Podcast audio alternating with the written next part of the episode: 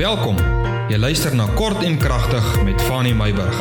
Kom ons word kragtig deur die woord. Goeiemôre luisteraar. Ek wil vanmôre met jou gesels oor leefstyl, maar jy moet nou my nou eers mooi uithoor. Jy moet nou nie tot konklusies spring nie. Jy weet om uit te brei op die gedagte van meditasie waarna ons gister gekyk het en om God en God se weë en instruksies te oordink. Het ek hierdie gesegde as jy dit nou so kan noem van Einstein raak gelees. Nou hy was mos daarom nou 'n slim man gewees die.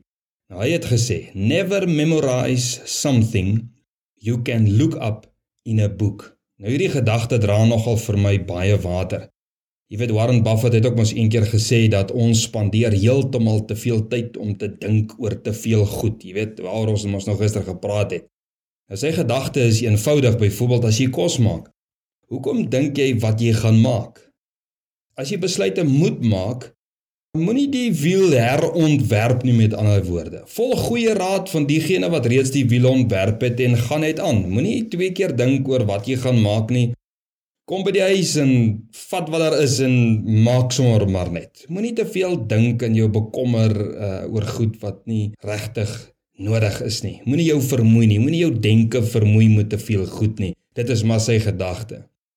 Nou sommige sal sê maar Dit is 'n vaal en oninteressante lewe om maar net altyd sommer maar net te kook byvoorbeeld wat daar is om te kook. Dalk verval 'n mens in 'n groef en jy weet mos 'n groef word 'n graf. Dit is oninteressant en dood.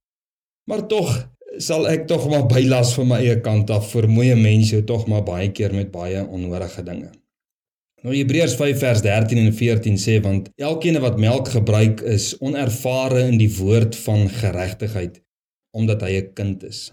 In vers 14: Maar vaste spys is vir volwassenes vir die wat geestes vermoëns besit deur die gewoonte geoefen om goed van kwaad te onderskei. Ek praat vanmôre met jou oor leefstyl nê. Nou wanneer ek en jy as kind van God deur die gewoonte geoefen is om gereeld die woord en die dinge van God te mediteer en om met ander woorde later te weet wat is goed en kwaad, wat is reg en verkeerd, wie God is, wie Jesus is, wie die Heilige Gees is, is dit nie nodig vir ons om aan te sluit by hierdie gedagte van Einstein om alles van die Bybel te memoriseer nie. Ons hoef nie 'n fotogeniese brein te hê om kind van God te wees nie of om 'n student van die woord of om 'n goeie student van die woord te wees nie. Nou hiermee is my bedoeling want dit is in my hart ingebrand die woord van God. Die woord van God, sy wil en sy weë word deel van my leefstyl. Dis die leefstyl waarvan ek praat. Ek praat nie van geld en karre, besittings, huise ensovoorts nie. Dit beteken net ek leef nie twee leefstyle nie.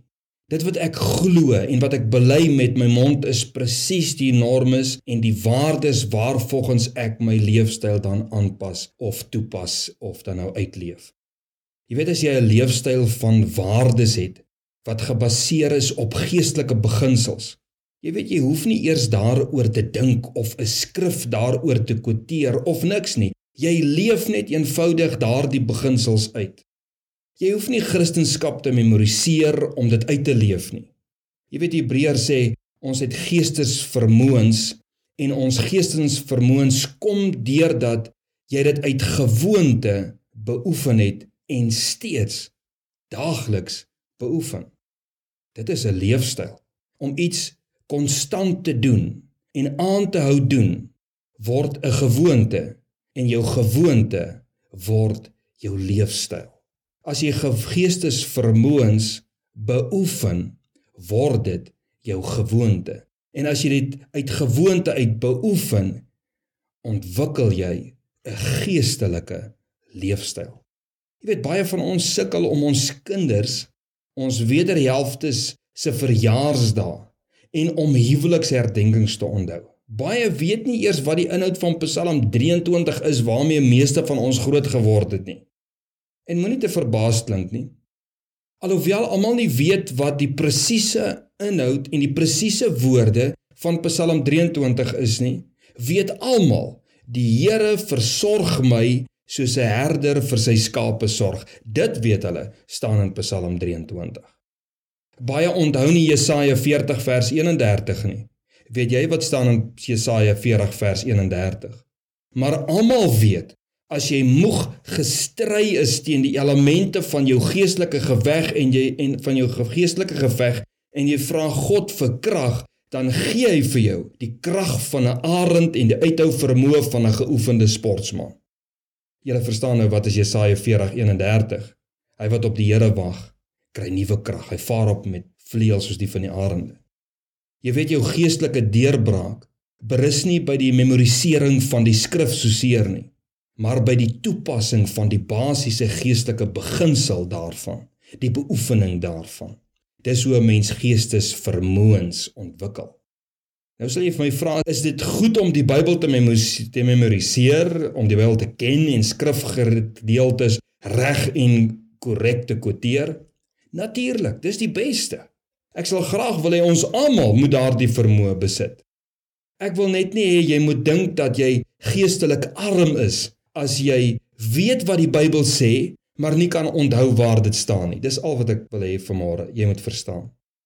As iemand jou vra waar staan dit waarvan jy praat, dan sê jy sommer eenvoudig net bring jou Bybel môre dan wys ek jou. Dan gaan jy huis toe en gaan soek dit. Jy weet 99% van die tyd gaan dit nie oor wat daar staan nie en wat jy raak gelees het en wat jy nie kan onthou waar dit staan nie, maar dat jy die waardes van dit wat daar staan in die Bybel sal uitleef.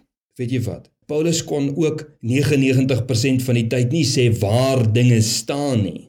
Want al sy briewe kom uit die skatkamers van die hemel en uit sy pen en niemand anders het nog ooit van die dinge geskrywe wat hy verstaan, wat God aan hom geopenbaar en wat hy uitgelewe het nie.